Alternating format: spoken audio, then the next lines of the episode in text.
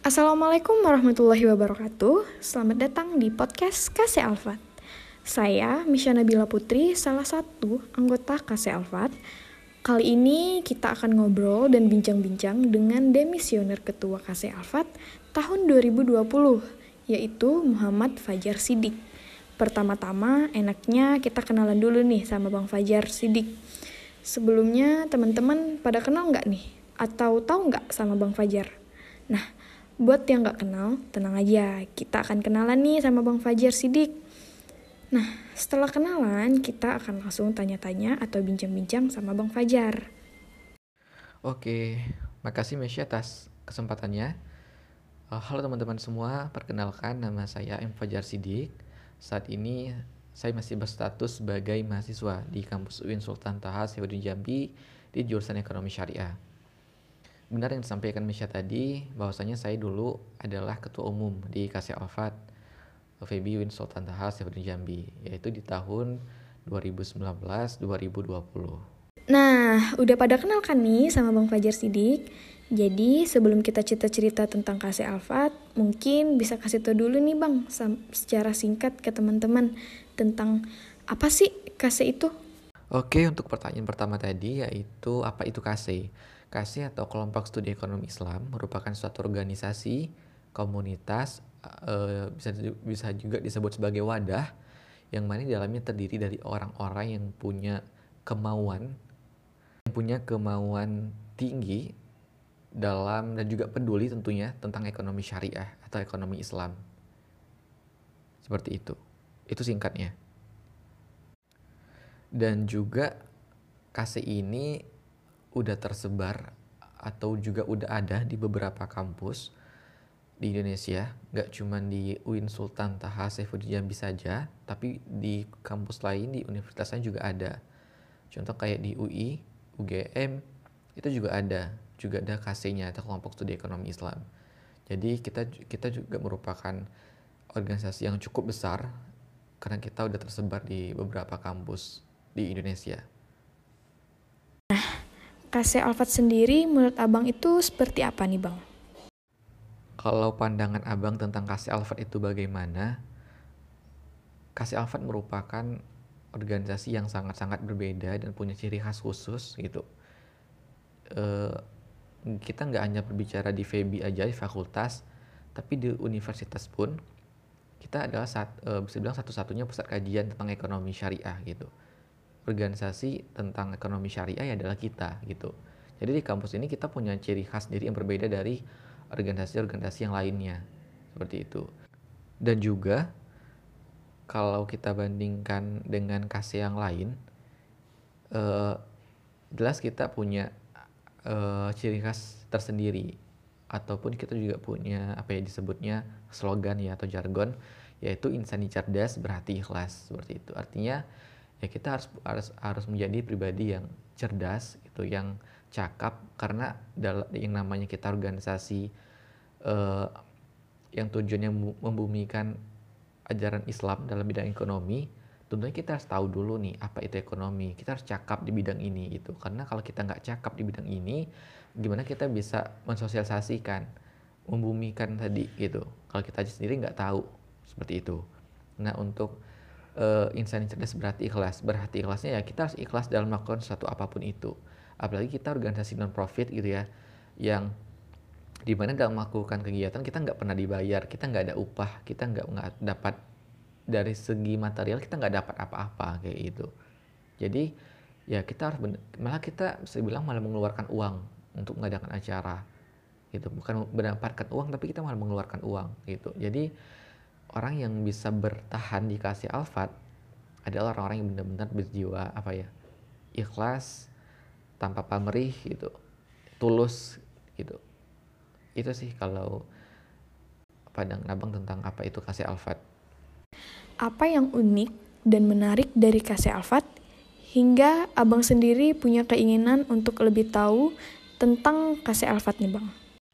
Oke kalau apa yang unik dan menarik sehingga Bang uh, apa ya, memutuskan bergabung di Alfat adalah Sejujurnya bukan soal unik dan menariknya sih, tapi soal satu visi dan misi dengan abang pribadi kayak gitu. Karena waktu dulu apa ya PBAK ya, kalau di kampus kita namanya PBAK, dulu itu banyak senior yang menawarkan organisasi, yang memperkenalkan organisasinya gitu. Banyak lah dari masa PBAK sampai kita udah di dalam kelas pun masih ada yang mendatangi kayak gitu, yang e, kenalin lo organisasi ini deh segala macem.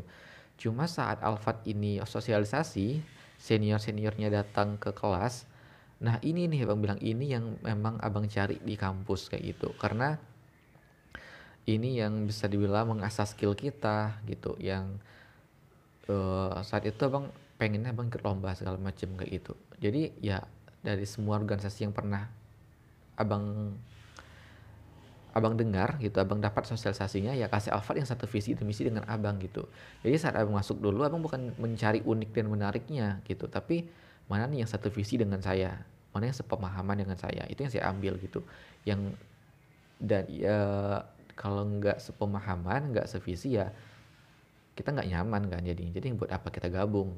Kayak gitu sih simpelnya Mesya Bang, gimana sih Bang? Awal cerita sejarah dari Kase Alfat hingga sekarang?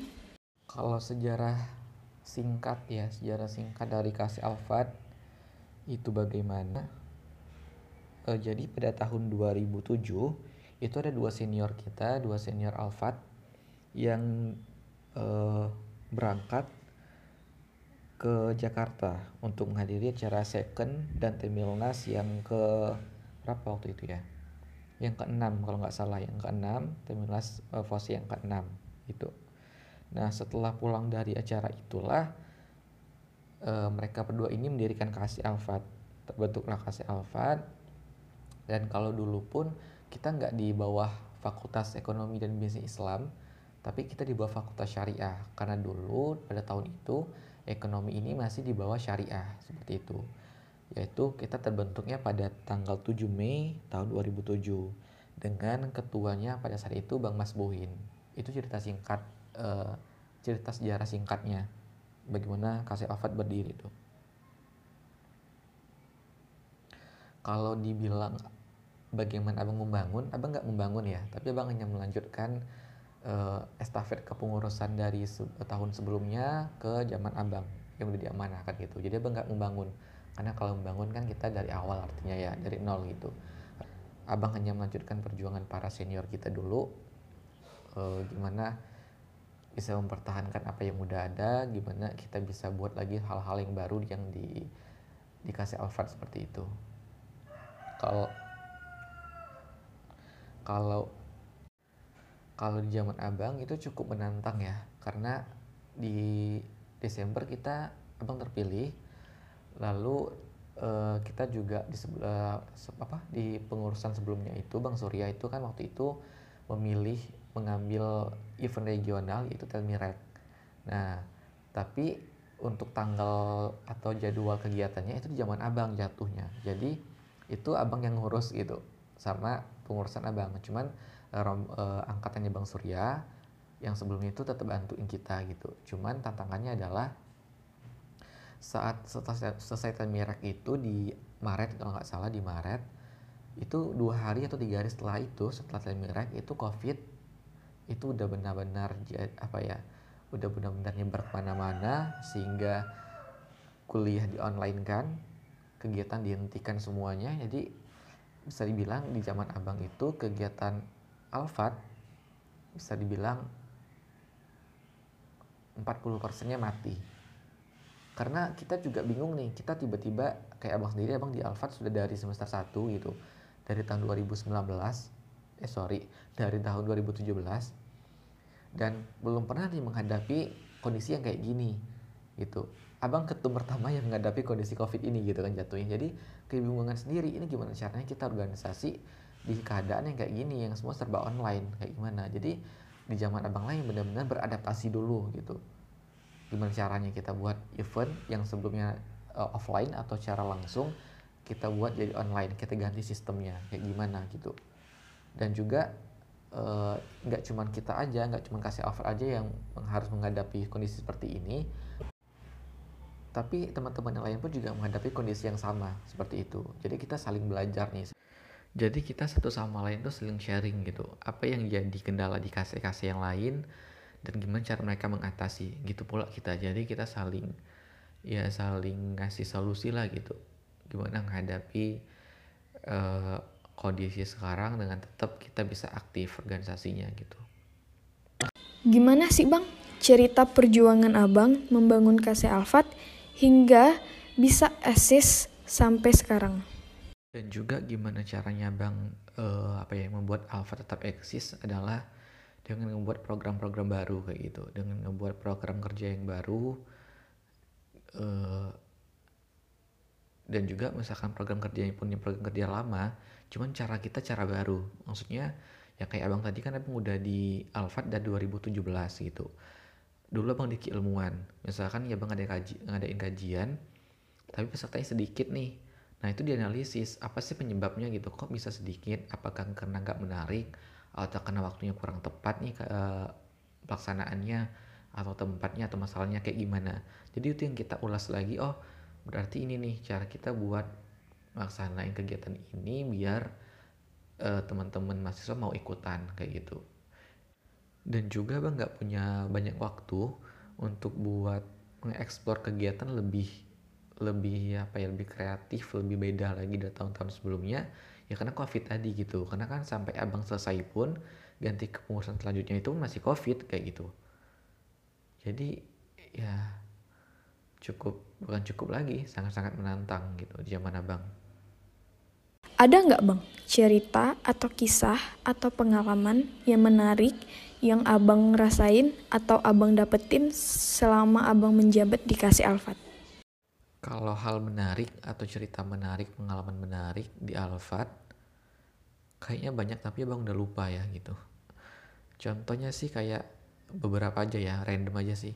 Dulu waktu tahun berapa ya abang lupa juga sih, 2018 kali ya. Dulu abang di Humas di saat acara Day, di acara Day itu waktu Bang Surya jadi ketua umum, abang di divisi abang sebagai CO divisi Humas di acara D. Nah waktu itu abang ngantar dengan Bang Apip, Bang Wildan Apip ke bank salah satu bank yang sangat tidak ramah pelayanan dari satpamnya gitu. Di hari itu kami ngantar ngantar ke tiga bank sekaligus di hari yang sama. Tapi di bank yang terakhir ini yang sangat-sangat tidak ramah pelayanannya kayak gitu. Jadi abang cukup kaget gitu karena uh, sebelumnya ramah-ramah aja oke-oke aja tapi ini diketusin gitulah pokoknya. Pokoknya nggak enak lah gitu pelayanannya gitu. Itu. Dan pernah juga di zaman Bang Surya juga ke kami ngelaksanain kegiatan galang dana untuk apa ya bencana alam apa itu bang lupa waktu itu. Dan itu adalah bisa dibilang pertama kalinya bang turun ke lapangan buat galang dana. Itu pertama kali pengalaman abang. Lalu di simpang BI itu itu kan ada yang jual koran ya ibu-ibu Nah ibu-ibu itu marah gitu, marah dan apa ya bisa dibilang ngasih omongan kotor ke kami itu. Ngasih omongan kotor ke kami dan abang pun kaget kok di di gini ini sama si ibunya? Gitu. Padahal kita nggak apa-ngapain. Oh ternyata si ibunya ngerasa kayak rezeki dia diambil gitu. Yang dia jual koran mungkin menurut dia seharusnya nih ini si pengemudi ini yang berhenti merah ini mau beli koran uh, dia tapi nggak jadi karena kami galang dana di sana sehingga uangnya dia lari ke kami. Mungkin si ibu ini berpikir kayak gitu kan sehingga dia marah gitu. Uh, dan ya marah-marah gitu lah pokoknya. Nah itu pengalaman yang menarik juga. Karena itu pertama kalinya bang turun ke lapangan dan dapat uh, kejadian kayak gitu. Jadi itu cukup menarik lah bagi abang. Sangat mengagetkan sih.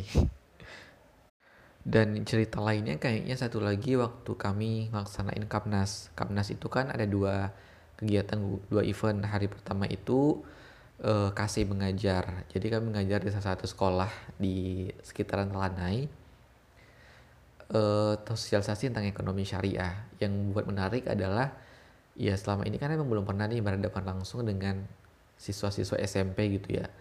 SMP ini kan lagi tahap-tahapnya apa ya bisa dibilang tuh lagi nakal-nakalnya lah gitu ya lagi bandel-bandelnya kayak gitu.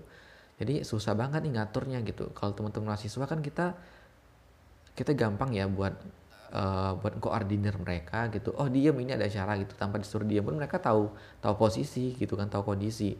Tapi untuk anak-anak SMP lagi kayak kelas 1 kelas 2 itu wah susah banget gitu. Kita uh, ngasih arahan buat diam dulu ya dek atau tolong jangan ribut dulu tolong fokusin materi. Itu susah banget gitu. Jadi ya itu cukup salah satu yang menarik juga sih di kasih alfat yang pernah abang dapetin kayak gitu. Kayaknya pengalaman menarik yang pernah abang dapetin di selama di kasih alfat banyak ya karena abang dari awal bergabung sampai 2017 sampai 2020 kayaknya udah banyak yang lupa apa aja yang terjadi di tahun-tahun sebelumnya gitu. Jadi kayaknya itu sih tiga tadi yang bisa bang ceritain ke teman-teman. Terakhir nih bang mau nanya. Pesan dan harapan abang untuk kasih alfat ke depannya itu seperti apa nih bang? Oke pesan dan harapan untuk kasih alfat ke depannya. Abang berpesan kepada seluruh pengurus saat ini dan pengurus selanjutnya selanjutnya selanjutnya selanjutnya sampai kapan pun itu mohon dijaga apa yang udah ada dikasih alfat mohon dipertahankan apa yang udah ada. Kalau nggak bisa uh, membuat suatu kemajuan it's okay nggak apa-apa tapi tolong yang udah ada dipertahankan jangan sampai yang udah ada yang udah berhasil kita gapai kita raih malah jatuh malah hilang kayak gitu dan juga uh, perlu diingat bahwa anak-anak kasih alfat itu identik dengan anak-anak yang sopan, santun, yang bisa dibilang punya tata kerama atau attitude yang baik gitu, yang sangat-sangat baik gitu. Karena dulu pernah tuh dekan kita yang sebelumnya itu waktu itu lewat waktu itu kita lagi buka stand stand untuk D terus mereka eh, mereka terus bapak itu lewat di depan stand jalan kaki terus uh, tiba-tiba ngomong nyeletuk itu uh, ah keren ya anak-anak anak-anak kasih Alfred ini ya saya salut gitu. Karena anak-anaknya bener-bener baik-baik santun semua sopan santunnya bagus bapak itu ngomong sendiri gitu. Tanpa kita ada apa-apa bapak itu ngomong kayak gitu. Maksudnya adalah ya ini udah salah satu contoh loh gitu. Suatu pengakuan dari dosen bahkan dekan yang udah ngomong bahwa anak Alfred itu cerminannya kayak gitu gitu. Kelihatannya seperti itu. Jadi mohon jangan berubah gitu. Di, dijaga dijaga sopan santunnya gitu. Dan juga tolong dengan senior dan alumni itu dijaga hubungannya gitu. Apa pun itu yang berbau dengan kasih alfat sekalipun kita nggak kenal eh, ini abang ini siapa? Tiba-tiba ngechat nanyain kasih alfat atau nanyain apalah itu yang berhubungan dengan kasih ya dijawab. Jangan jangan sampai nanti ada yang hubungin lewat WA tapi kalian nggak kenal siapa dia nanya tentang kasih apa nggak kalian balas read doang. Itu udah salah itu jadi hubungan dengan alumni senior itu dijaga itu uh, harapan abang untuk kasih alfat ya pasti ingin semua orang ya semua orang pasti ingin organisasinya tuh terus maju terus melaju pesat gitu. Jadi yang terbaik di antara yang terbaik kayak gitu. Harapan abang ya semoga pengurus-pengurus kasih alfa selanjutnya semakin orang-orang yang baik orang-orang yang memang bisa membangun kasih alfa sebaik mungkin. Jangan sampai kasih alfa kehilangan jati dirinya yang udah kita bangun selama ini gitu. Yang sampai kasih alfa malah ke depannya lain uh, apa ya arahnya malah beda gitu. Yang dulu kita lurus ternyata sekarang kanan kiri kanan kiri kayak gitu. Harapannya ya itu sih dan juga buat anggota ya terutama buat anggota yuk semangat lagi aktif di kegiatan. Karena ya kalian tuh keluarga besarnya kasih alfat gitu para pengurus ini mengadakan kegiatan itu untuk kalian gitu. Bukan untuk orang lain gitu. Jadi mohon aktif untuk anggota-anggota selanjutnya gitu. Itu aja sih untuk kasih Alfat uh, Mesya. Sekali lagi terima kasih ya udah mengundang abang sebagai partner bincang-bincang ya di ini di podcast kasih Alfat. Sukses selalu buat Mesya dan teman-teman lainnya di kasih Alfat semoga bisa membangun kasih Alfat lebih baik lagi ke depannya terima kasih Alhamdulillah podcast kita sudah di penghujung acara. Terima kasih kepada Bang Fajar Dan terima kasih juga kepada teman-teman karena sudah bersedia mendengarkan podcast ini. Semoga kita bisa bertemu lagi dengan tema yang menarik lainnya. Um, sekian dari saya, saya akhiri. Wabillahi taufiq walhidayah. Wassalamualaikum warahmatullahi wabarakatuh.